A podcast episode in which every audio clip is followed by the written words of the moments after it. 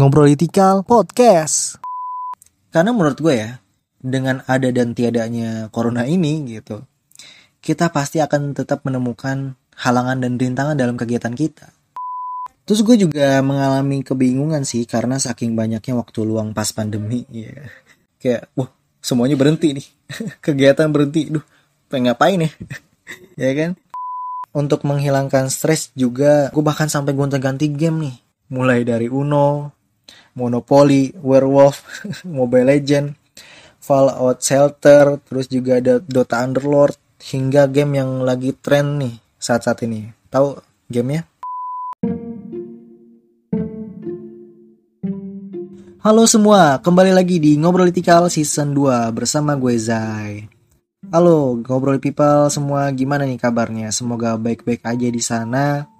Harus tetap jaga kesehatan dan jaga diri kalian karena kasus COVID nih makin meningkat ya. Jadi, aduh, ya gitu bingung ya, ngeri juga. Tapi ya bagi kalian yang di Jakarta nih tentunya juga PSBB jilid 2 ternyata diperpanjang sampai 11 Oktober. Aduh, mau gimana lagi ya? ya paling kita cuman bisa berusaha dari diri kita sendiri gitu untuk terus mengikuti protokol kesehatan agar kita tidak terjangkit virus COVID-19 dan juga kita harus tetap berdoa nih biar pandemi ini cepat berakhir di Indonesia. Amin. Nah ngomongin soal pandemi, apa aja sih keresahan yang kalian alami selama masa pandemi ini nih?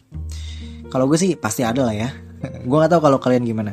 Kalau gue sih merasa kegiatan gue tuh terhambat karena corona nih terus juga tingkat stres makin bertambah eh, banyak lah ya masalah-masalah yang disebabkan corona gitu tapi kalau kalian gimana kalau kalian mau berbagi cerita keluh kesah kalian soal pandemi atau apa pun silahkan DM aja ke IG kita di @ngobrolitikal atau kalian bisa kirim pesan suara lewat IG kita di DM ya terus juga lewat uh, Anchor Nah, kali ini mungkin gue bakal berbagi pengalaman gue nih, sedikit pengalaman gue lah ya.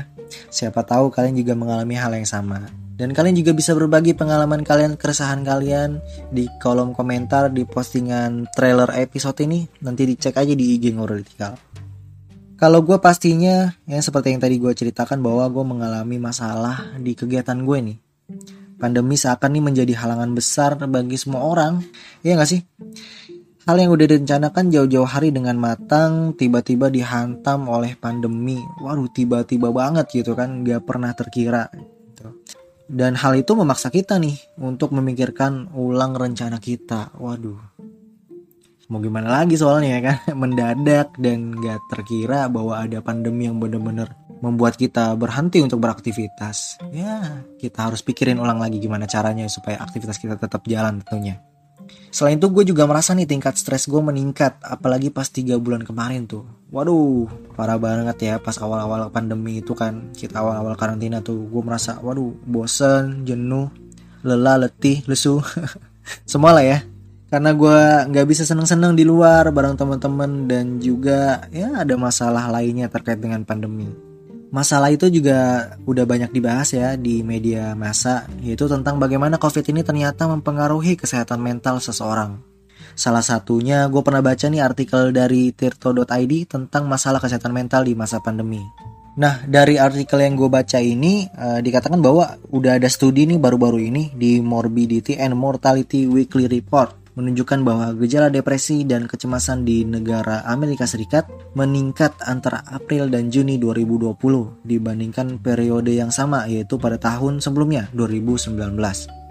Nah, gejala depresi 4 kali lebih tinggi dan gejala kecemasan 3 kali lebih tinggi pada tahun 2020 dibandingkan tahun sebelumnya, tahun 2019. Waduh, ngeri juga ya. Ya, tapi tetap tenang teman-teman. Jangan terlalu diambil pusing ya justru itu bakal nambah beban kalian nih. Jadi itu juga bisa menghalangi aktivitas kalian dan juga mengurangi kualitas kerja kita. Jadi bagi kalian yang merasa kesehatan mentalnya menurun atau memburuk dan perlu untuk cerita, kalian bisa hubungi call center yang menerima keluhan terkait kesehatan mental. Kalian bisa cari-cari ya.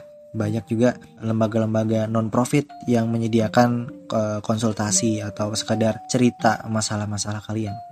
Lebih lengkapnya lagi kalian juga bisa nih cek di websitenya intothelight.org tentang daftar penyedia layanan kesehatan mental di Jabodetabek. Itu lumayan lengkap tuh ya daftar-daftarnya. Terus juga pemerintah Indonesia juga melalui Kementerian Kesehatan telah membuka uh, telah memberikan ya fasilitas layanan kesehatan jiwa melalui pusat panggilan atau call center 119 bagi masyarakat yang ingin berkonsultasi ketika mengalami ketidaknyamanan atau kecemasan terkait virus pada saat pandemi COVID-19.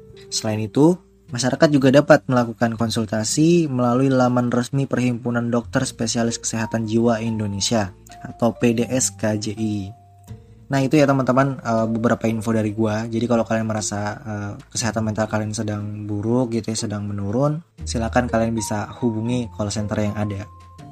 Dan sepengalaman gue yang kemarin-kemarin ya, uh, gue selalu berpikir nih gimana sih ya uh, cara gue mengatasi masalah ini gitu dan mencari jalan keluar dari masalah yang ada, terutama soal kegiatan gue gitu kan. Keadaan ini juga memaksa kita untuk ya, terus berinovasi kreatif ya kan. Harus solutif lah biar kegiatan kita masih tetap berjalan gitu. Gue tahu sih bahwa pandemi ini juga jadi penghalang kegiatan kita tapi ya udah seharusnya kita hadapin ya gak sih?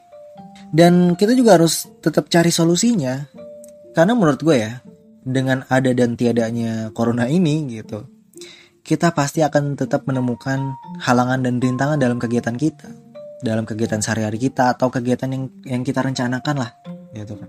Pasti kita bakal nemuin halangan-halangan yang ada dan itu pasti kita mau tidak mau kita mau lewatin kan. Dan ini covid ya salah satunya aja dan ya udah kita mau gimana lagi? Kita harus eh, menghadapinya ya kan? Dan menurut gue nih ini adalah waktu yang tepat gitu untuk meningkatkan kemampuan lo menemukan solusi dari setiap permasalahan lo. Gitu teman-teman. Jadi misalnya aja nih ya ke soal organisasi gue yaitu gue dan teman-teman di koperasi mahasiswa. Uh, kita tuh di koperasi itu punya usaha di kampus gitu ya buka semacam toko gitu. Dan kita selama ini uh, bergantung terhadap penghasilan dari toko tersebut. Dan tiba-tiba pandemi ini datang gitu. Dan kampus tutup otomatis toko kita juga tutup dong. Dan gak ada penghasilan sama sekali. Itu bingung banget. Aduh puyeng puyeng banget ya kita nggak ada penghasilan gitu kan. Terus gue sama teman-teman lainnya gitu ya di kooperasi mencoba menemukan cara dengan uh, berbagai cara ya. Untuk nemuin ide-ide bisnis gitu yang menjanjikan kira-kira di masa corona ini dan bisa dijalankan oleh kooperasi kita gitu. Kita juga berusaha gitu dengan cara misalkan ngobrol-ngobrol dengan yang ahli gitu ya. Terus juga dengan alumni. Terus kita juga melakukan survei sampai kita cari-cari nih tiap personal-personal nih kita uh, cari apa nih kira-kira ide bisnis dari uh, tiap orang gitu ya di divisi bisnis tersebut gitu ya gue juga nyari-nyari lewat internet dan segala macam gue lihat-lihat kira-kira apa nih yang cocok nih di masa corona dan bisa dijalanin kooperasi dan akhirnya kita nemu solusinya yaitu untuk membuka bisnis kerjasama dengan mitra. Yaitu mitranya itu uh, anggota kita sendiri gitu. Jadi kita nyediain suatu wadah penjualan gitu ya. Penjualan dan memasarkan produk-produk dari mitra kita yang nanti kita jual secara online gitu. Bahkan nih ada lebih gilanya lagi nih. Ini suatu ide yang gak bakal terpikirkan sebelumnya karena saking nyamannya ya tahun-tahun sebelumnya kita gitu kan kita tuh nemuin ide untuk buka jasa pengiriman barang sesuatu yang justru gak pernah terpikirkan ketika masih di zona nyaman Intinya kalau lo berpikir bahwa pandemi harus dihadapi, maka lo pasti menemukan suatu ide solutif dong, yang mungkin gak terpikirkan sebelumnya, ya kan? Kalau kemarin gue dan teman-teman lain merasa berada di zona nyaman yang dapat pemasukan terus, ah cukup lah ya pemasukan dari toko-toko dan segala macam dan akhirnya dihadapi dengan pandemi ini kan, ya mati sendiri kan kalau kita nggak berevolusi gitu kan. Jadi kita harus memikirkan uh, ide-ide solutif. Dan menurut gue ya kalau kita menemukan ide-ide tersebut juga nanti juga bisa menguntungkan kita untuk jangka panjang. Iya kan? Terus gue juga mengalami kebingungan sih karena saking banyaknya waktu luang pas pandemi. Iya. Kalian mengalami hal itu juga gak sih? Ya kan di mana pandemi ini pas awal-awal ya kayak wah semuanya berhenti nih. Kegiatan berhenti duh pengen ngapain ya? Ya kan nah gue bingung banget tuh saking banyaknya waktu luang pas itu.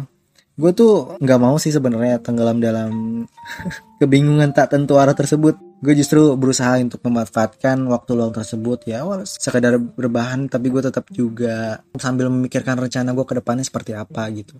Masa depan gue nanti pengennya seperti apa. Nanti gue lulus mau ke mana terus juga satu tahun ke depan mau gimana lima tahun ke depan mau gimana. Dan gue juga memikirkan gimana kira-kira karir gue ke depannya dan hasilnya adalah ya gue juga berusaha untuk menghasilkan sesuatu nih dari luangnya waktu. Yaitu uh, podcast ini gitu. Ya walaupun belum bisa menghasilkan uang gitu ya. Tapi setidaknya kita bisa memanfaatkan karya-karya ini ya buat karir kita ke depannya ya. Contohnya ngobrol ngobrol kali ini podcast gue ini. Itu gue bangun dari hasil kegabutan gue gitu selama pandemi gitu kan. Akhirnya sekarang gue mutusin untuk berkarir di dunia kreatif aja itu suatu hal yang belum pernah gue pastiin sebelumnya gitu. Kalau gue pengen berkarir di mana dan segala macam dan gue mutusin ya udahlah gue seriusin aja podcastnya dan gue lanjutin. Dan akhirnya gue memutuskan untuk oke okay, gue di dunia kreatif. Iya kan?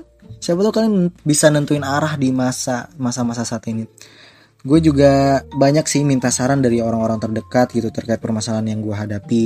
Siapa tahu lu juga bisa ngasih solusi ke teman lu juga kan yang mengalami masalah uh, yang sama mungkin atau masalah lainnya. Siapa tahu lu dengan ngobrol-ngobrol sama teman lu gitu kan sambil ngobrol-ngobrol soal nanya-nanya lah permasalahan lu dan minta solusi dari teman lu lu juga bisa nemuin temen yang satu visi misalkan pengen jualan apa gitu kan jualan dagangan makanan mie ayam misalkan terus lu juga oh satu pikiran nih kita kan dagang mie ayam. Ya udahlah kita bareng aja join ya kan? Itu kita bisa berkolaborasi gitu untuk membangun bisnis kita sendiri atau berbagai proyek lainnya. Jadi walaupun ya walaupun sekedar ngobrol-ngobrol dan ya tapi seenggaknya lu bisa mempererat silaturahmi lu. Karena dari silaturahmi itu kan bisa memperluas pintu rezeki lu iya nggak? Coba dibuktiin deh. Nah, oh, hampir lupa nih, gue pengen ngingetin juga nih kalian nih, harus jaga pola aktivitas, pola kegiatan lo sehari-hari. Karena menurut pengalaman gue nih ya kan, pas awal-awal tuh berantakan banget cuy. Itu gue tidur tuh pas wah malam banget berantakan terus uh, nggak ya nggak sesuai lah dengan sehari-hari uh, sebelum pandemi gitu kan. Itu aduh bakal jadi kebiasaan yang buruk nantinya kalau nggak dibenerin cepet-cepet gitu. Jadi lo mesti benerin sekarang pola aktivitas lo. Karena kalau lo menjaga pola aktivitas lo, lu bisa dengan mudah nih bertahan ketika nanti dunia kembali normal. Karena kadang nih kita tuh merasa uh, di zona nyaman yang tadi gue bilang tuh, uh, lu merasa ya gue leha-leha aja lah ya. ya padahal uh, nantinya dunia akan kembali normal dan lu nggak bisa leha-leha lagi dan lu bakal kalah dengan orang-orang yang mungkin punya pola aktivitas yang lebih sehat daripada lu gitu. Jadi menurut gue lu harus jaga pola aktivitas lu jangan berantakan Pokoknya jangan jadiin pandemi itu alasan. Hadapin, maju terus. Tapi itu semua nggak bisa lo jalani kalau lo stres. Iya nggak? Kalau menurut pengalaman gue juga nih, stres itu adalah penghalang terbesar dalam setiap kegiatan lo dan rencana lo. Jadi jangan sampai stres banget. Keadaan memang lagi susah, tapi bukan berarti kita ikut-ikutan susah dong. Lo harus tetap jaga kebahagiaan dan kesenangan lo. Lo harus bisa temuin tuh apa yang membuat uh, lo senang dan bahagia. Kalau dari infografis saya Tirto nih, uh, Tirto ID yang gue baca ya, kadang tuh berita-berita tentang COVID tuh bisa mempengaruhi stress level kita gitu kan. Dan kalau menurut uh, artikel yang gue baca, lo justru mesti mengistirahatkan diri lo dari informasi tentang wabah dan lakukan aktivitas uh, positif lainnya. Kalau gue sih ya, kalau gue sih menemukan kesenangan ketika ngobrol-ngobrol sama temen dan main game bareng temen-temen. Itu sih, gue mendapatkan kesenangan dari hal itu gitu dan itu meningkatkan mood gue banget. Gue biasanya pakai Discord tuh untuk ngobrol-ngobrol. Kalian tahu Discord nggak? Discord tuh biasanya digunain kayak dia tuh semacam ini ya free call gitu lah ya yang biasa digunain untuk main game. Ya gue cuman sekedar ngobrol-ngobrol sama teman gue gitu untuk berbagi saran gitu berbagi cerita lah. Siapa tahu di situ kita bisa dapat inspirasi-inspirasi kan. Cobain deh uh, kalian pakai Discord lumayan bagus sih kalau menurut gue ya tapi untuk menghilangkan stres juga gue bahkan sampai gonta-ganti game nih. Mulai dari Uno, Monopoly, Werewolf, Mobile Legend, Fallout Shelter, terus juga ada Dota Underlord hingga game yang lagi tren nih saat-saat ini. Tahu gamenya? Among Us. Ya. Udah ada yang tahu kan? Udah pada tahu kan? Kalau belum tahu ya coba cek. Uh, itu seru juga loh. dan lu bisa mainin bareng-bareng teman lu gitu. Itu semacam werewolf cuman divisualisasi aja gitu. Dan akhir-akhir ini gue sering main Among Us nih sama teman-teman gue dan itu seru sih. Kalau kalian sendiri gimana nih? Apa hal yang membuat kalian tuh seneng atau bahagia? Lakuin sih kalau menurut gue kalian harus bisa temuin itu. Dan tapi tetap ya sesuaikan dengan kondisi saat ini juga. Jadi jangan dipaksain juga. Misalkan lu seneng untuk skateboard gitu misalkan. Ya lu harus tahu tahulah protokol kesehatannya gimana tahu jaga dirinya gimana. Jangan uh, rame-rame tetap jaga jarak dan pakai masker cuci tangan yang rajin ya. Jangan melepas diri juga gitu kan. Harus tetap waspada cuy ya kan. Ya itu aja sih kayaknya ya. Sedikit pengalaman dari gue semoga bermanfaat bagi kalian ngobrol people Oh ya, kalau kalian ada cara sendiri untuk tetap aktif dan happy di masa pandemi ini, silahkan bagikan di kolom komentar di IG Ngobrol ya. Nanti gue posting uh, trailer ini, kalian silahkan komen ya di kolom komentarnya. Terus juga kalau ada yang ingin kalian tanyakan atau sekedar ingin curhat, kalian bisa kirim DM ke IG Ngobrol ya. Atau kirim pesan suara ke IG Ngobrol dan juga bisa kirim pesan suara ke anchor kita. Siapa tahu nanti dijawab sama Paman Kuncoro dan dibahas di konten koma. Gimana kalian tahu nggak Paman Kuncoro dan uh, konten koma kita? Bagi kalian yang belum tahu, silahkan cek di episode 5 tuh. Gitu. Itu kalian bisa nemu uh, tips-tips jitu dari Paman Kuncoro, sang konsultan kehidupan ya. Siapa tahu nanti pertanyaan-pertanyaan kalian atau curhatan-curhatan kalian bisa kita bahas di konten selanjutnya. Oke, makasih udah dengerin dari awal sampai akhir. Jangan lupa dengerin episode lainnya tetap jaga kesehatan. Bagi yang masih beraktivitas di luar, tetap harus jaga diri, dipatuhi ya protokol kesehatannya. Bagi kalian yang sedang sakit, tetap jaga diri kalian dan tetap semangat. Bagaimanapun semuanya bakal lebih indah kalau kita hadapin dengan asik. Ya. Makasih dan sampai jumpa di episode berikutnya ya. Bye.